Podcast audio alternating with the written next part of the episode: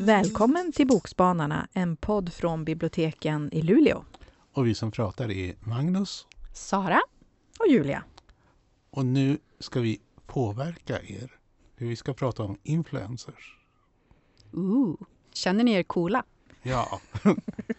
Eh, jag kan inte påstå att jag känner mig som eh, Bianca precis, men Snart, köp bara ett visst antal produkter så närmar du dig betydligt. eh, jag trodde man skulle få dem. Så vi är inte bo- bokinf- bokfluencers. Utan, jag vet inte vad. Lägg in. Vi är såna influencers som vill få gratis böcker. Mm. Eh, om ni hör oss, Sponsra. bokförlagen.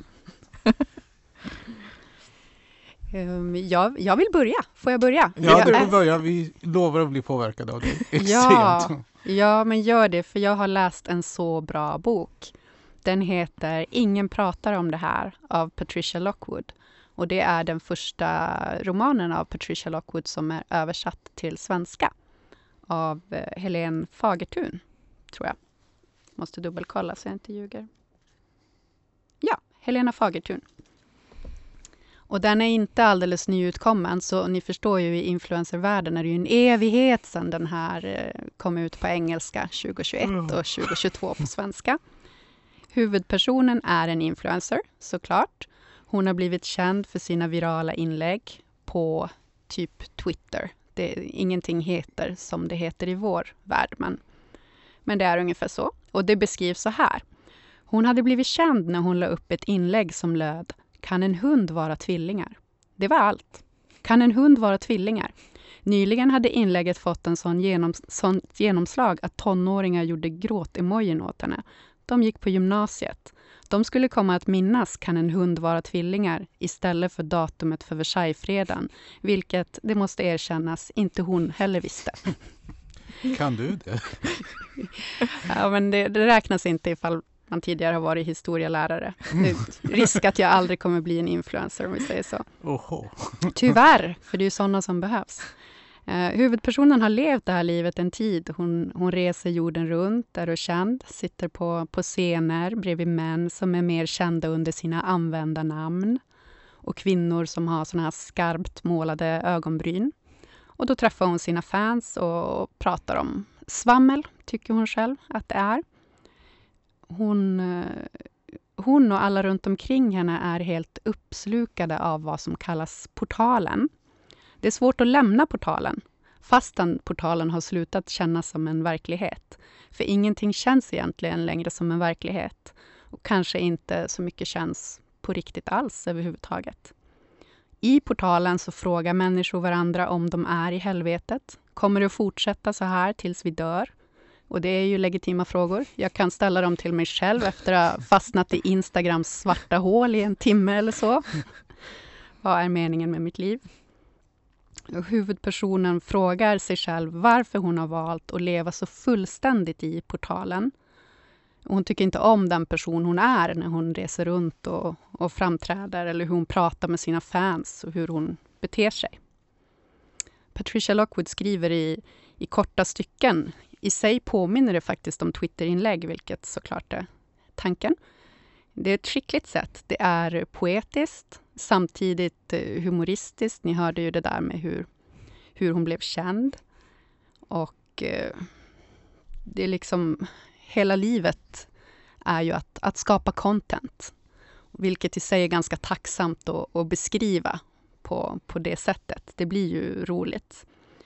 Människor, hur människor beställer det sämsta på menyn när de är ute och äter för att med tanke då, med mening att då blir det roligt content. Så att jag ska äta någonting. Jag tycker det är jättedåligt för att kunna beskriva det på ett roligt sätt.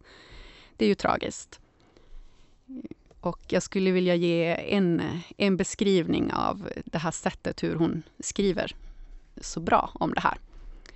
Det hade kommit en ny leksak. Alla drev med den, men så hävdades det att den var utformad för autister. Och då drev ingen med den längre, utan började istället driva med dem som hade drivit med den tidigare. Sedan upptäckte någon en flera miljarder år gammal stenversion på något museum, vilket verkade bevisa någonting. Sedan avslöjades det att leksakens ursprung hade något att göra med Israel och Palestina. Och då slöt alla en pakt om att aldrig mer prata om den igen. Och allt det här hände på typ fyra dagar. Ja, det är ju roligt, men sen kan man ju säga, nu är den inte jättetjock, men ni förstår ju att det skulle inte vara kul om, om samma stil fortsatte romanen igenom. Då skulle det ju känts som att Patricia Lockwood bara ville skapa content av, av ingenting. Men hon, eh, hon väver in eh, stream of consciousness-tanken så fint i den här texten. För det är ju som ett slags kort flöde av eh, poetiska stycken med ganska sorgligt innehåll som, som liknar just stream of consciousness. Och i den här huvudpersonen är på um, Isle, of, uh, Isle of Sky, heter det, med sin man, äter havskräftor och tittar ut, ser utsikten av en fyr. Och sen när hon är hemma lite senare och har eh, lämnat portalen för en stund, ni har förstått vad portalen är också, eh, för att läsa Virginia Woolf, så kommer hon på att ja, men den här fyren som vi såg nu åt havskräftor, det måste ju ha varit fyren som familjen ska resa till i Emot fyren av Virginia Woolf, som jag rekommenderar och det starkaste om någon har missat den. Och det, det, här gör hon ju på ett snyggt sätt, att hon väver in liksom en verklig värld sen tidigare. Hon väver in en koppling till eh, postmodernismen och den här känslan av meningslöshet liksom, eh, vid, kring världskrigen och långt före 2022. Men, men här är vi nu i portalen och känner ingen mening. Och ska vi ta oss iväg? Kommer vi någonsin till den där fyren? Åker vi? Och vad är meningen med livet? Och naturligtvis så, så kommer vår huvudperson att hitta en annan mening med livet. Hennes föräldrar försöker få kontakt med henne och till sist så bryter de igenom mellan, mellan alla inlägg och all tid i portalen. Och hon blir tvungen att, att resa hem och eh, jag ska inte berätta mer mm. än så. Jo, jo. du får läsa den, Magnus. Ja. Det får du helt enkelt göra. Nej, Jättebra eh, bok. Jag ska läsa ett sånt där influencer-inlägg om den. ja, det kan du göra. Hennes röst är liksom, den är unik, tycker jag. Och det är väldigt bra översatt av Helena Fagertun. Men jag ska säga att när, när du har läst den och just det, att det är så poetiskt, då blir du nog sugen på att läsa den i originalspråk. Så jag, jag kommer att låna, eller jag har redan köpt in faktiskt, på engelska och vill läsa annat som hon har skrivit. Jättebra författare tycker jag. Mm. Det är alltid roligt när man hittar en ny författare som har fler böcker som man kan ja. läsa. Men från det så har jag en bok på samma tema, nästan. Eh, för att hur blir vi ju egentligen påverkade av vad vi ser i sociala medier? Eh, vilka är det som syns och hörs? Eh, vad, och då ska vi ge oss in i innehållsmoderatorernas spännande värld, tänkte jag. Ooh. Och en innehållsmoderator tittar ju igenom filmklipp, bilder och texter och avgör vad som enligt reglerna för den plattform de arbetar för ska plockas bort och vad som får finnas kvar och de arbetar då med bedömning av stötande innehåll. Och det är det vi får liksom se närmare på i den boken jag läst, som heter Sakerna vi såg av Hanna Berboets. Och den är översatt av Neder från nederländska av Johanna Hedenberg. Eh, och på framsidan har vi en väldigt söt katt. Är det verkligen sant? För det låter mm. jättehemskt hur du beskriver den. Och det är det man kan undra, liksom inlurad av den här söta katten på mm. framsidan. Men den här boken är inte snäll eller söt. Nej. Eller liksom fluffig. Eh, och den väckte många liksom tankar och gjorde, den gjorde mig lite mörkrädd. Eh, för som jag sa, vem är det som bestämmer vad vi får se på internet? Liksom av alla konspirationsteorier, våldsamheter och liknande, vem bestämmer vad som är skadligt och varför? Och hur påverkar det liksom oss? Vems är perspektivet? Eh, så den här författaren, hon, hon lyckades få in mycket på 139 sidor, för det är inte en stor och tjock bok, det här är en liten bok. Eh, och den här romanen startar med att vår huvudperson, Kaylee, som nyligen har slutat arbeta då på ett sånt här företag med att moderera innehåll på det här stora, för ett stort social medieföretag. Hon får meddelande av en advokat som vill ha, ha tag på henne. Eh, för han håller på att sammanställa en gruppstämning då mot företaget som hon arbetar på för dålig arbetsmiljö. För hennes tidigare kollegor har fått liksom, psykologiska problem, säger de, av att arbeta där. De har svårt att sova. Vissa av dem känner sig paranoida av liksom allt det här de tvingades eh, se. Eh, liksom Kaeli och hennes kollegor de fick ju kolla allt som blivit flaggat som problematiskt och bedöma det enligt olika kriterier om det skulle tas bort eller få fortsätta vara kvar. Och de här eh, kriterierna de ändrades ganska ofta.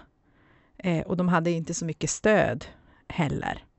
Och eh, det fanns stora krav på hur de skulle arbeta. De var tvungna att ha rätt bedömningar 90 procent av tiden och de var tvungna att hinna med flera hundra stycken varje dag för att de skulle liksom få sin rön och få vara kvar. Fy, vilket Så det var väldigt, väldigt mycket liksom stora krav, väldigt många bedömningar. Eh, och väldigt mycket, liksom, de fick utskällningar om de inte klarade av det här. Det var hela tiden liksom med pekpinnen, men de fick inte liksom någon typ av psykologiskt stöd om, om de fick se liksom någon hålla på att ta självmord eller någonting annat, utan det var bara förväntat att de skulle vara nästan som robotar och bedöma det här enligt de, de här reglerna som fanns. Mm. Och Kaylee, liksom, hon är i 20-årsåldern och hon berättar liksom allt väldigt som hänt här, väldigt, alltså det är väldigt sakligt. Eh, och det är nästan som att hon skriver liksom ett brev till den här, det är liksom som att hon berättar för den här advokaten. Liksom, vad var det eh, som hände, hur hon hamnade där och varför hon inte vill vara med i den här stämningen. Eh, och då kan man ju undra varför vill hon inte vara det? Eh, och de fick ju en väldigt kort utbildning. Det här var ju en blandad grupp av människor som efter då, eh, typ ett par dagar skulle på något sätt kunna göra de här bedömningarna. Eh, och i början så sammansvetsar ju den här gruppen. De på något sätt söker stöd i varandra och eh, liksom pratar och går ut och äter efter jobbet och sånt där. Men sakta börjar liksom allting falla samman, alltså det börjar spridas liksom sprickor och det är som att, va, vilka är de här och varför stannar de där? Det är som, bör, det är som mm. att det de arbetar med börjar påverka dem så mycket så att det, det syns liksom i hur de samtalar med varandra också. Sånt här äh, hårdare språk och sånt börjar spridas. Det börjar sprida sig kanske dåliga vanor, att någon är ute längre på kafferast eller de gör liksom, börjar liksom mygla. Det är som att den här äh, att det dåliga de ser börjar påverka dem liksom inte bara men alltså liksom hur de beter sig där på arbetet också. Alltså att de börjar bilda Usch, grupperingar. Det är lite och... flugornas herrestämning nu. ja, lite så att det är ju som ett psykologiskt drama det här. Vem och vad kan man tro på liksom här? Och så speglas det då i på, på internet, för det, det, bilden av dem speglas ju. Alltså det är som att tappar man greppet om verkligheten, liksom. vad är sant, vad är inte sant? Och gränserna här suddas ut mellan virtuella och fysiska världen. Och den här int internaliseringen, liksom alla de här hemskheterna de ser. Eh, hur, ja, vad, vad, är sant och vad är inte sant? Och det är ju nästan som någon, någon av hennes kollegor liksom börjar prata som om någon typ av konspirationsteori är sann. Att när man får se så mycket innehåll, när folk, då är det som att de nästan börjar, att han börjar nästan tro på det där, allt det där hemska han har sett. Alltså att han får som inget utlopp eller någon typ av kunna diskutera med någon vad det är de ser på ett liksom vettigt sätt. Jag menar, allt är ju så hemskt. Liksom, om man sa som ett exempel med katterna då. Eh, om, man, om någon kastar ut en katt genom ett fönster så får de godkänna klippet om det är humoristiskt, men inte om det är sadistiskt. Men alla foton på folk som kastar ut katter genom fönster, de är godkända. Alltså bara som exempel. Mm. och det finns mycket, mycket hemskare liksom, exempel i den här boken. Eh, jag tror att den skulle funka i en bokcirkel där man är intresserad liksom, av sådana här ämnen, för det finns så mycket att diskutera kring det här nya, typ digit, allt det nya digitala eh, verkligheten. Vem är det som bestämmer vad och hur blir vi påverkade av alla liksom, det är just det som man har hört att ha, har vi tappat vår koncentrationsförmåga nu när vi ser när allting ska vara liksom i korta reels som på internet och allt sånt där, några sekunder, men sen orkar man inte se något som är långt något mer eller något. Allt ska vara kort och koncist och mm. folk börjar tappa liksom, lä, alltså att det är inte lika bra förmåga att läsa liksom, långa stycken och allt sånt där. Att det, det, det är liksom, läser man det, det man blir nästan lite deppig över hur framtiden ser ut när man läser den här. Men, mm. men jag eh. tror absolut man ska ta... Alltså man, jag tror inte att allting är, är på väg käpprätt åt Ursäkta, vad sa du nu om koncentrationsförmågan? AI får ta över det där innehållsmodererandet. jag tror, men, så, men jag, jag, tycker att det är ett intressant liksom, typ inlägg, alltså det är en intressant roman. Jag tycker att det är spännande att läsa liksom om, om av, någonting av en författare liksom, som har försökt tänka eh, liksom en verkligen känns som det är aktuellt det här. Det pratas ju mycket liksom om det här i, alltså influenser och vad influerar de till och, och vad är det folk visar upp? Alltså det är mycket nu det här att man vis, det är bara det perfekta som ska visas upp. Och det här med fake news eller de här dreven som går mot människor. Om någon kanske råkar säga liksom en sak fel och sen går det runt hela världen, liksom att den personen ska spottas och spe mm. och stå, stå liksom på något sätt kedjas fast vid någon skampåle eller någonting. Så det, det, ja, det är intressant. Och jag hade inte tänkt ge väldigt mycket på innehållsmoderering och vem det är som gör det tidigare. Och det måste ju vara ett hemskt jobb att ha. Alltså, jag kan inte ens tänka mig hur jobbigt det måste vara att titta på allt som är flaggat liksom som olämpligt. Um, och vem är det som bestämmer vad om man ser till liksom typ poli visst politiskt innehåll och sånt där? Då kan man, alltså då är du verkligen inne på demokratifrågor också. För det är ju viktigt att det inte är någonting som stoppas som faktiskt är handlar om att man har faktiskt rätt att um, yttrandefriheten hur det liksom påverkas i olika länder. Mm. Men sen vill man ju hindra sånt som är direkt skadligt. Eh, men vem ska göra det? Och, men de måste, alltså, ja, väldigt, väldigt, väldigt intressant. Men kanske, har du någonting mer positivt lagt, Magnus? Eh, jag hade ju lite problem det här, för jag upplever de, de flesta böcker jag hittar om influenser är så fruktansvärt moralistiska eh, man tar en bok som handlar om ytliga människor och så ska man skala den som en kronärtskocka ungefär. Att man lyfter upp en detalj.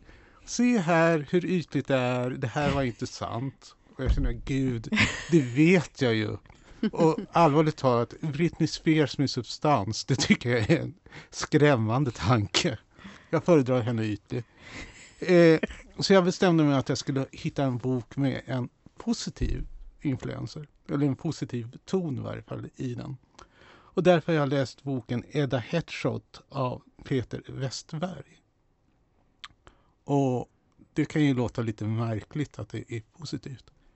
Men den handlar i varje fall om en äldre kvinna vars man har dött. Hon har hamnat i någon slags depression. Och en dag så föreslår hennes barnbarn att hon ska delta i en eh, match ett spel som heter Counterforce. Som är misstänkt likt Counter-Strike. och för jag som pratar utan äh, anteckningar så är den här boken en mardröm. Därför de handlar saker på Mediagiganten. Åh oh, nej. Så det är massor ah. av sådana där detaljer som kommer eh, bli fel. Men i varje fall, eh, Counterforce det är ett eh, lagspel där människor online deltar i blodiga strider där de springer runt och skjuter varandra. Och eh, målet är att överleva. Jag tycker det låter gräsligt om jag ska vara ärlig. Eh, jag föredrar Zookeeper, eh, liksom när man har ett litet eh, zoo där man tar hand om små fluffiga djur och allt är väldigt sött. Eh, det är kanske katter som räddar böcker också. eh, ja, nu eh, drog jag iväg där. Eh, hon börjar liksom spela det här spelet. Hon är så duktig på det. Så hon eh, skaffar eh, därför att hon skjuter folk i skallen. Så därför skaffar hon sitt nickname Edda Headshot. Och eh, snart är hon medlem i, i sin eh, barnbarnslag. Och då eh, annonseras det att eh, det här Country Force ska bli en OS-sport. Och det ska vara uttagningar och frågan är vilket lag som ska gå vidare. Och det kanske ni kan gissa. Oj. eh, men som man säger, det är ju egentligen inte målet utan det är ju resan som är värt. För eh, Edda Headshot hon blir verkligen en sån här influencer. Hon utsätts för näthat, hon klarar av att bekämpa det. Hon eh, stöder sina lagmedlemmar. Hon lär dem prata vårdat. Man ska inte uttrycka sig hur som helst. Och framförallt så kanske hon kommer att eh, träffa den eh, stora kärleken. Och då menar jag rent bokstavligen, i huvudet. Oh. Oj, nej! eh, det här är en sån där bok som är jättelätt att vara elak med. Alltså den kanske skulle mått bra av en eh, hårdare redigering. Det är lite svårt också att på samma gång försöka vara wild and crazy som man eh, liksom är väldigt sådär moralistisk och säger att man ska vara snäll med alla. Alla kan spela e-sport. Och eh, min inre röst, jag har en sån här inre röst när jag läser hela tiden. Den har en tendens att gå upp i falsett och börja prata animeringssvenska. Men det är faktiskt så, om ni vill läsa en bok om hur man skjuter i huvudet av folk samtidigt som man propagerar god laganda, motverkar sexism, rasism och förespråkar ett vårdat språk. Så har ni faktiskt inte så mycket annat att välja på. Det är bara den här som finns. Men har man någonting utav den även om man inte är intresserad av själva av dataspel?